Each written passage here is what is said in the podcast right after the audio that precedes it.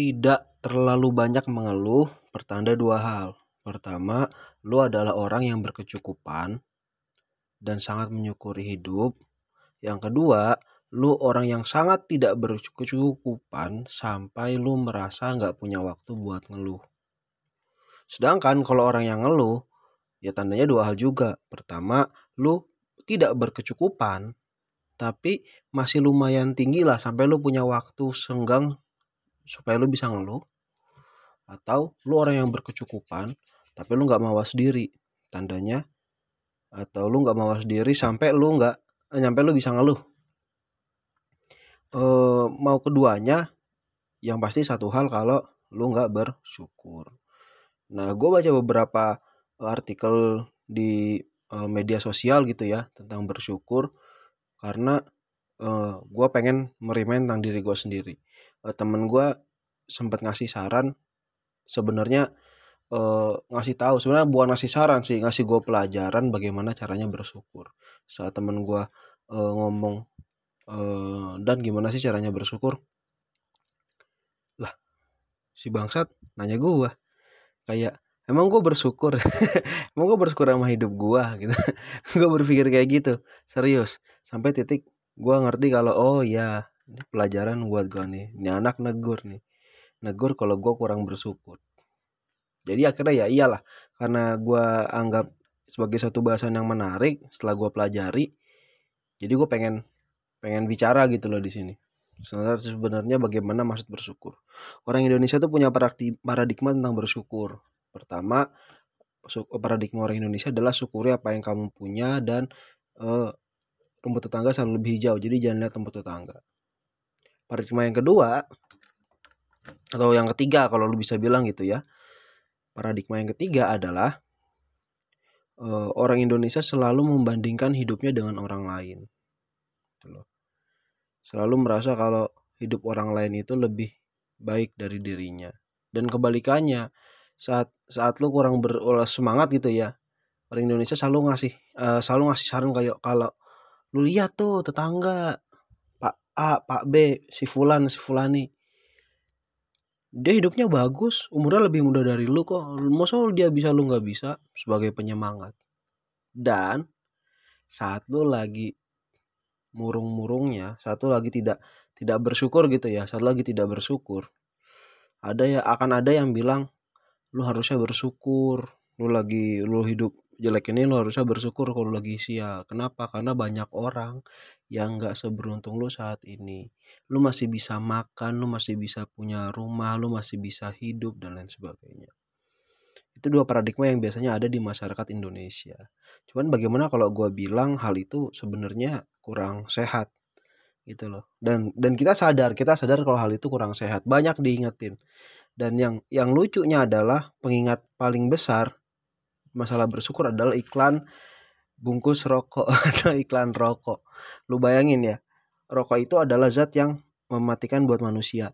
Gua nggak bilang lu nggak boleh ngerokok, kalau ngerokok ngerokok aja gitu kan. Cuman terbukti secara ilmiah rokok itu zat mematikan. Dan banyak uh, diskusi yang mengatakan kalau lu merokok, lu nggak mensyukuri hidup lu. Kenapa? Karena saat lu merokok, Berarti lo mengambil sebagian kesehatan lo secara terus-menerus berkala sedikit demi sedikit menumpuk dan akhirnya menjadi sakit-sakitan. Kira-kira seperti itu. Ya rokok terserah sih ya kalau ngerokok ngerokok aja gitu loh. E, rokok itu banyak ingetin masalah bersyukur. Paling sering itu iklan rokok. Lu tau lu, lu kalau lu inget dulu ada iklan rokok e, rumput tetangga lebih selalu lebih hijau. Tokohnya adalah kambing jadi kambing lagi makan uh, di rumputnya tuannya gitu kan. Kemudian dia ngeliat tetangga sebelahnya di balik uh, pagar rumputnya hijau banget.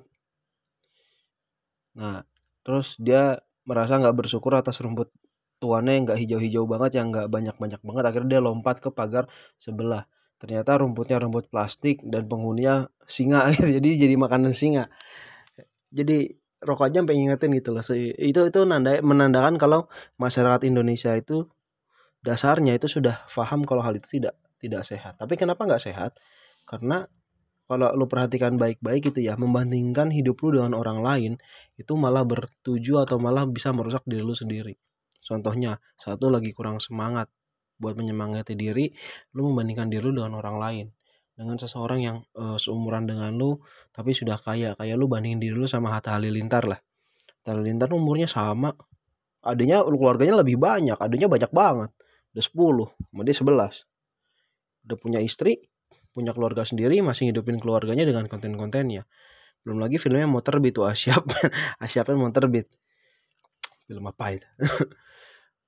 Kadang kadang orang membayang, eh, membandingkan dirinya dengan seperti itu gitu loh buat semangat. Cuman uh, saat lu membandingkan hal seperti itu lu suka lupa kalau lu tuh punya uh, punya faktor yang nggak bisa lu lupakan gitu. Lu punya faktor-faktor yang yang sebenarnya jauh berbeda dibandingin lu dengan Hatta Halilintar. Misalnya kayak Hatta Halilintar punya talent lu.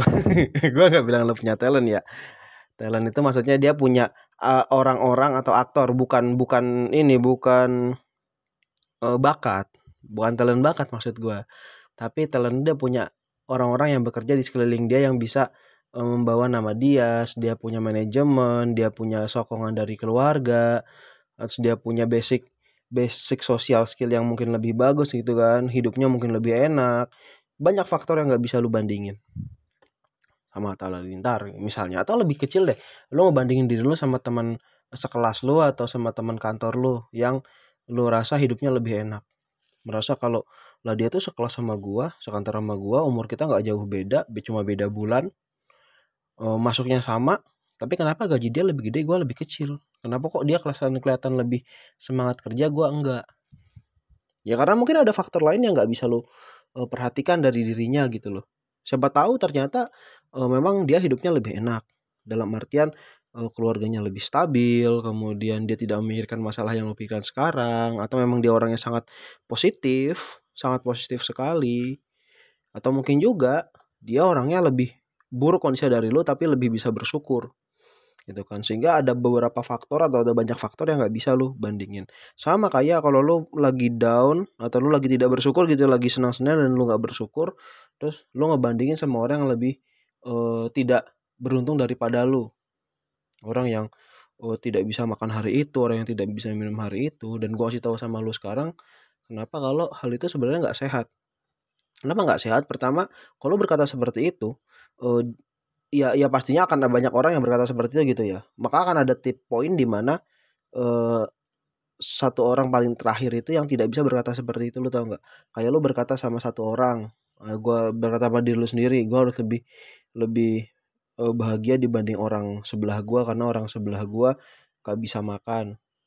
Orang sebelah lu ngomong iya gua gak bisa makan cuman gua harus lebih bahagia atau lebih bersyukur dari orang sebelah gua lagi. Karena orang sebelah gua lagi itu uh, dia cacat misalnya atau dia punya kelainan. Dan lain sebagainya dan terus dan terus dan terus dan terus dan terus. Sampai akan ada akhirnya ada orang terakhir yang bisa ngomong uh, gue paling terakhir gue paling terakhir gue udah mati jadi gue nggak bisa gitu. Ya itu nggak sehat kenapa? Karena membandingkan seperti itu bukan bukan untuk humble humbling gitu lo bukan lo lo bukan merendahkan diri lo untuk bersyukur tapi lo meninggikan diri lo di atas orang lain dasarnya seperti itu. Sih menurut gue gitu ya. Sehingga uh, tidak sangat sangat tidak sehat apabila lo membandingkan diri lo dengan dengan orang lain. Bagaimanapun caranya. Nah yang mau gue bahas yang bagian yang pertama bagian ketiga gitu yang bagian pertama tentang bagaimana masyarakat Indonesia atau skema Indonesia masalah bersyukur. Uh, eh, gue pengen berbicara tentang satu tokoh tokoh bernama Friedrich Nietzsche tahu gue gue nggak tahu gimana cara ngucapinnya gitu karena ini orang Jerman uh, ntar gue kasih di judulnya bagaimana penulisan katanya dan lu bisa ngucapin sendiri kalau Friedrich Nietzsche ini lahir di tahun 1844 sorry 1849 dan meninggal tahun 1900. Jadi orang tua dulu. Beliau adalah tokoh pertama dari eksistensional modern. Gila gaya nggak? Ini baru pertama kali gue pakai kata-kata yang fancy gitu.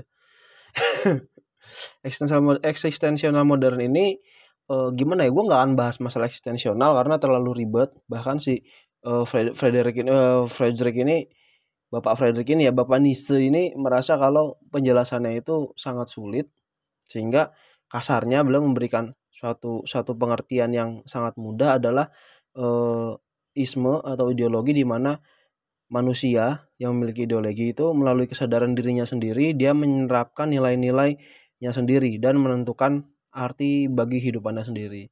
Jadi eksisten eksisten eksistensialisme kasarnya kayak kalau lu hidup kemudian ya lu cuma lu lu mengartikan hidup lu sendiri dan lu menetapkan nilai lu sendiri demi menentukan tujuan lu sendiri buat hidup.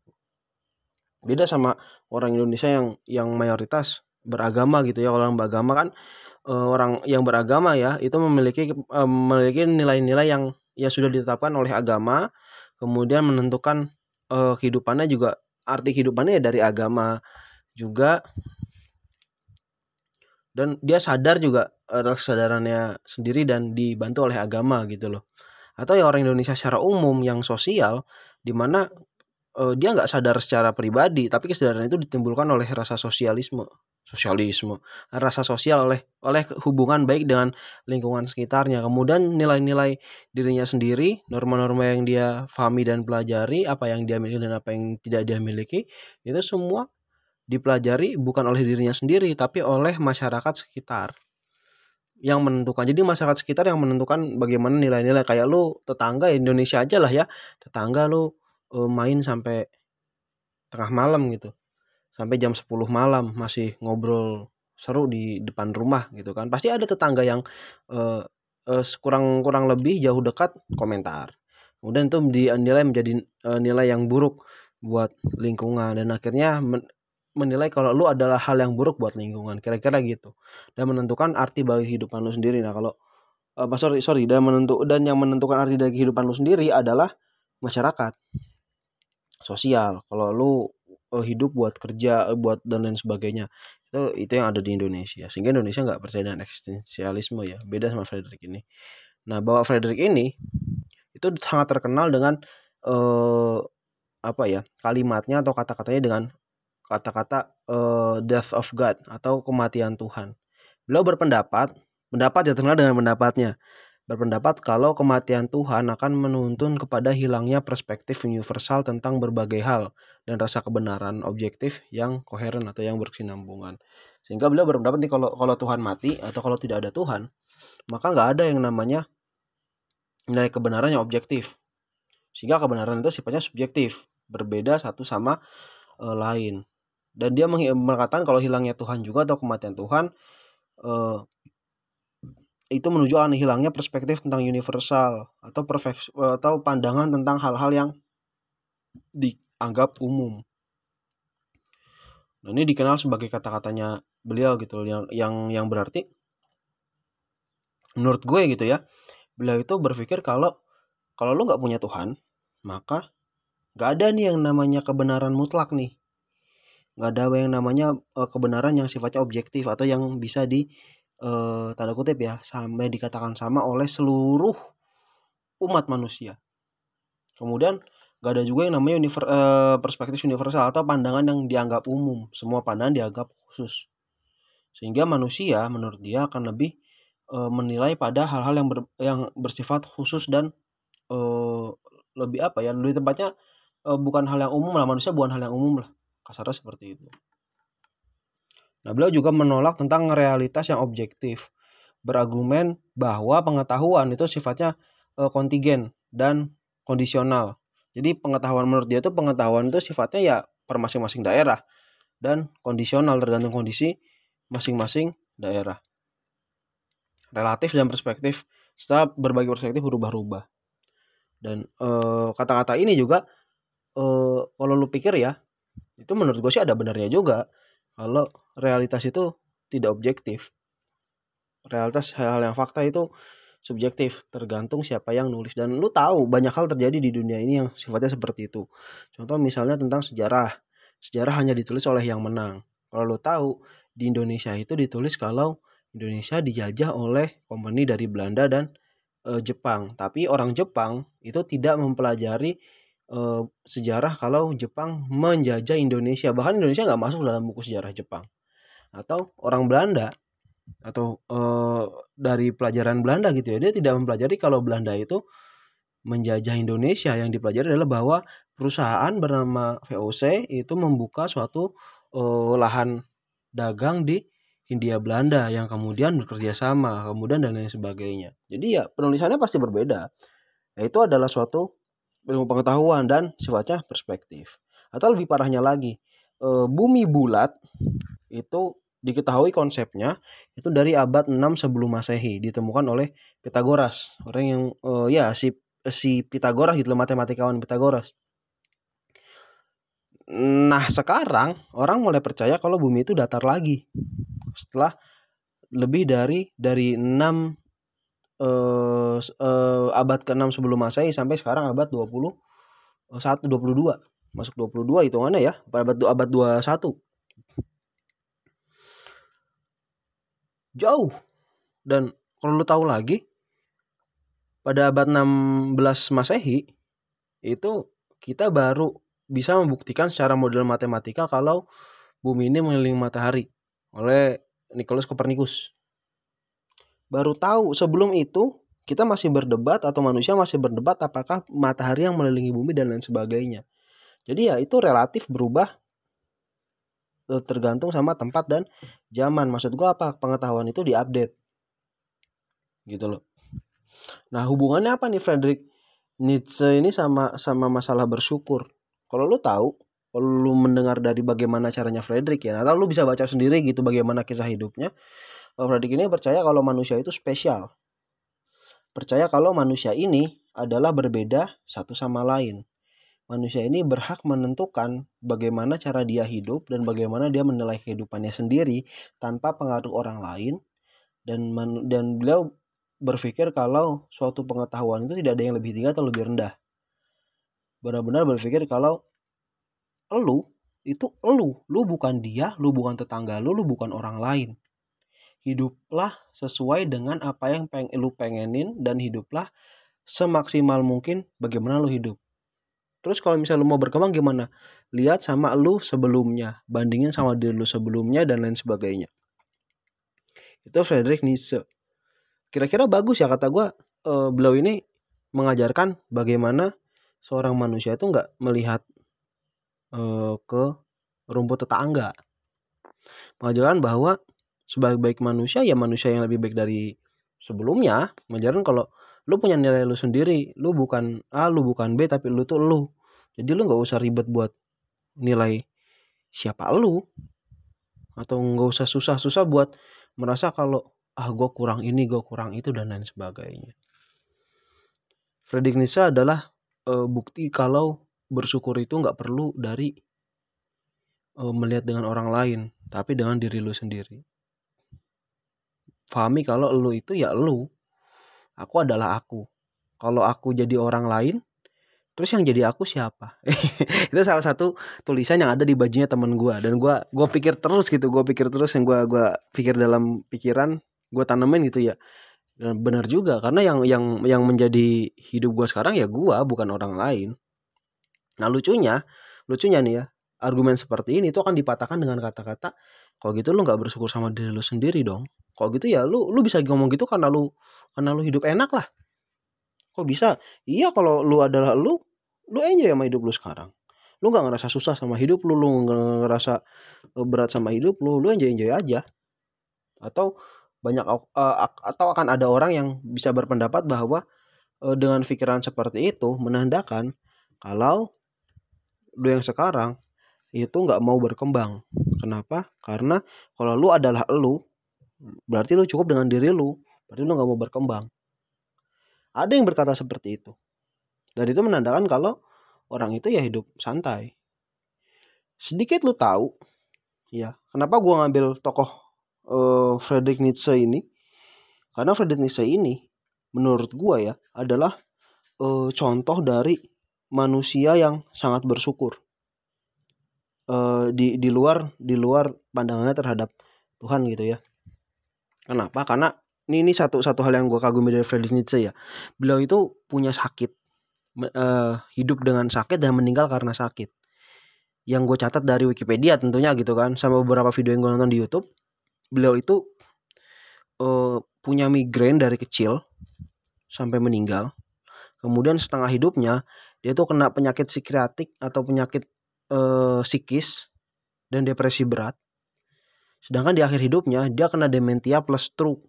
Udah dementia lupa-lupaan stroke gak bisa gerak meninggalnya. Penomia. Atau kurangan darah lu gila deh lu kayak uh, sumber hidup lu sakit nih migrain. Setengah kehidupan lu depresi. Di akhir udah mau akhir masih ditambah lagi dementia sama stroke. Meninggalnya penomia lagi beda masalah lagi di kehidupan yang seperti itu dia bisa menulis 16 buku dan diakui sebagai seorang eksistensialisme pertama yang berarti dia menemukan suatu isme atau suatu ideologi. Kalau lu tanya gua pikiran dia itu berarti tidak bersyukur lu yang nggak bersyukur. Dengan dengan psikologi yang sama gitu ya. Lu lihat nih si si Friedrich Nietzsche ini udah udah hidup sakit mati sakit matinya bukan karena penyakit-penyakit sebelumnya lagi masih sempat bikin 16 buku. Dan masih sempat bilang kalau lu tuh harus hidup secara secara full dan lu gitu secara secara full of yourself. Life at a fullest. Atau gitu yang yang bisa gua yang bisa gua kutip dari Friedrich Nietzsche. Nah uh, satu hal nih karena udah lama cuma udah jauh cuman sekalian aja gue panjangin ya mumpung mumpung bahasannya adalah bahasan yang sangat menarik buat gua. E, rasa bersyukur itu karena kita umat beragama gitu ya. Kita e, terkadang menampal atau me, menyampaikan menampakkan rasa syukur kita kepada Tuhan yang Maha Esa Allah Subhanahu wa taala. E, Tuhan yang Maha Esa ini kita bersyukur pada kepada yang Maha Kuasa gitu kan pada e, atas hidup kita yang enak dan lain sebagainya cuman bagaimana masalah atau bagaimana tentang orang-orang yang tidak percaya dengan Tuhan. Karena gue yakin beberapa orang Indonesia itu tidak percaya dengan adanya Tuhan. Atau dia percaya dengan adanya Tuhan tapi meragukan uh, ke kekuasaan Tuhan. Yang yang sebenarnya sebagai orang beragama ya gue nggak akan bilang itu boleh. Tidak boleh. Karena gue orang beragama. Tapi uh, hear me out. Saat lo uh, merasa tidak percaya dengan adanya Tuhan, lantas buat apa bersyukur gitu loh? Terkadang orang itu percaya atas nama ya, orang yang tidak percaya Tuhan itu terkadang ya berpikir atau memiliki faham nihilisme atau nihilisme. Kasarnya nihilisme itu adalah faham di mana dunia ini gak penting hidup lu gak ada gunanya e, mati hidup sama aja jadi ya udah lu hidup sesuka-suka lu aja. Bersyukur gak bersyukur toh sama aja. Kira-kira seperti itu Nah, sedangkan orang yang punya Tuhan itu beranggap kalau ya hidup itu ada hari akhir sehingga saat lu bersyukur sama kehidupan lu sekarang, lu memiliki maksud untuk apa ya? Lu berharap supaya lu bisa diganjar atas uh, uh, ketahanan lu atas penderitaan lu di kehidupan saat ini atau bisa ya lu bisa bilang penderitaan atau atas kehidupan lu saat ini lah. Nah, kenapa gue jadi ngomong masalah nihilisme atau dan lain sebagainya atau atau panjang ke sini? Kenapa? Karena uh, gue percaya kalau bersyukur itu bukan cuma karena Tuhan, gitu loh. Atau lu tidak bersyukur itu tidak cuma karena Tuhan. Karena karena gini dasarnya orang yang tidak akan yang tidak percaya Tuhan itu akan selalu berpikir kalau buat apa saya bersyukur sama hidup saya orang orang siapa yang mau saya syukuri?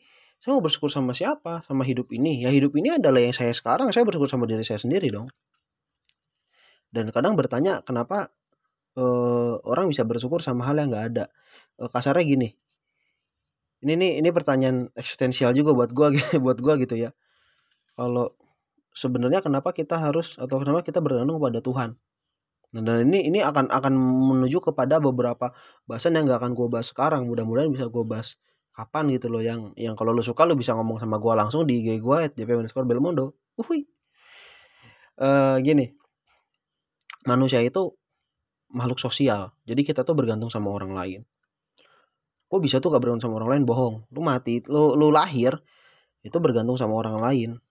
Lu lu di rahim itu bergantung sama orang tua lu lu keluar e, dibantu sama orang yang bantu orang tua lu entah e, mantri entah dokter e, entah bidan entah dukun bayi entah keluarga dan lain sebagainya.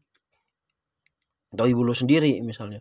Lu bayi lu diasuh sama orang tua lu lu mati pun lu dikuburin sama orang di sekeliling lu jadi ya nggak bisa dibilang manusia hidup sendiri, manusia itu adalah hidup sosial. Dan kita terbiasa bergantung pada sesuatu.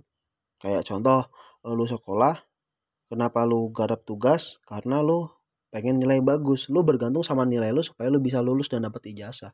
Buat apa ijazah? Supaya lu bisa melanjut ke jenjang selanjutnya. dan sampai jenjang paling terakhir misalnya kenapa lu butuh jenjang terakhir lu bergantung sama uh, ijazah lu di jenjang terakhir untuk mendapatkan pekerjaan yang layak buat lu dan keluarga lu. Kenapa lu bekerja? Lu bergantung pada pekerjaan lu supaya kehidupan keluarga lu bisa berjalan lagi. Dan kenapa lu uh, bergantung sama kehidupan keluarga lu? Kenapa karena saat lu keluarga lu hidup lu bisa tenang?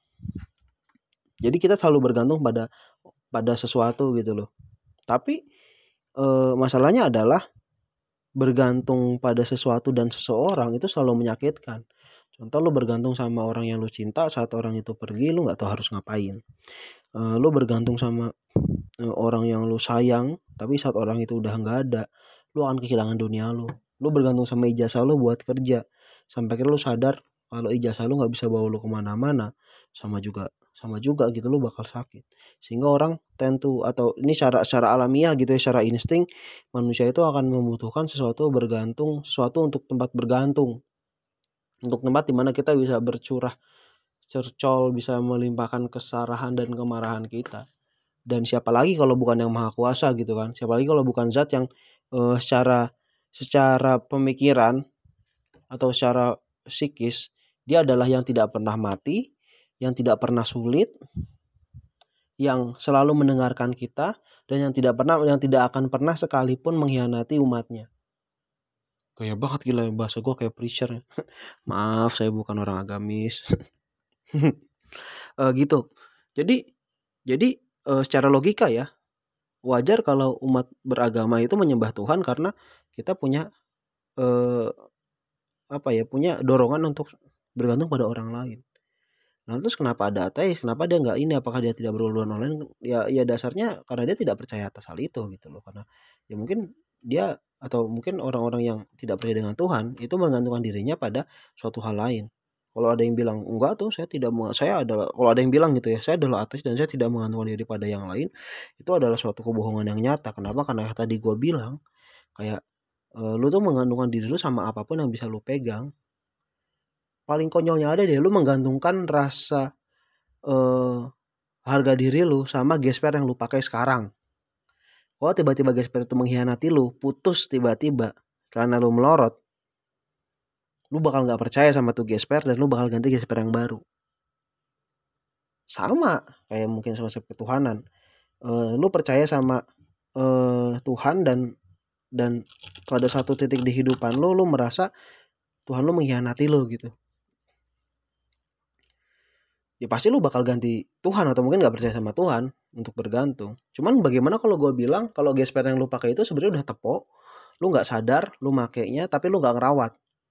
Sama kayak keimanan juga, uh, lu percaya sama Tuhan gitu kan, tapi lu nggak pernah doa, lu mengabdikan diri lu pada Tuhan, tapi lu nggak pernah doa dengan benar, lu nggak improve diri lu sendiri, lu merasa kayak Allah tenang Tuhan gitu kan. Cuman saat saat semua hal yang itu yang yang tidak lu lakukan jatuh ke lu lu jadi nggak percaya Tuhan. Dan ya ini cuma renting gue masalah keagamaan sih kayak ya lu bisa tetap lu bisa nggak percaya sama Tuhan gitu lu bisa terserah hidup hidup lu kan. Cuma yang gue yakinin yang yang gue bicarakan adalah e, bersyukur itu pertama nggak harus nggak harus karena Tuhan. E, yang kedua lu nggak bo lu nggak nggak apa ya kalau bisa ya lu jangan bandingin diri lu sama ini sama orang lain lah. Bandingin sama diri lu sendiri. Lo harus bersyukur sama apa yang lu punya bukan karena orang lain lebih buruk atau bukan karena orang lain lebih ah, bukan karena orang lain lebih buruk tapi karena lu bisa dapat yang lebih baik. Atau karena lu nggak lebih buruk dari diri lu sebelumnya. Uh, atau lu bisa uh, semangat mengejar target bukan karena orang lain yang semua yang lu anggap setara sama lu lebih baik tapi karena lu bisa atau lu yakin lu pantas mendapatkan yang lebih baik. Dikit dari gua waktunya udah terlalu panjang gitu ya mungkin jadi rekaman podcast gua paling panjang sehingga ya ya gua harap lu bisa mau dengar sampai akhir karena memang poin bagusnya di akhir. Uh, gua JP Belmondo selamat malam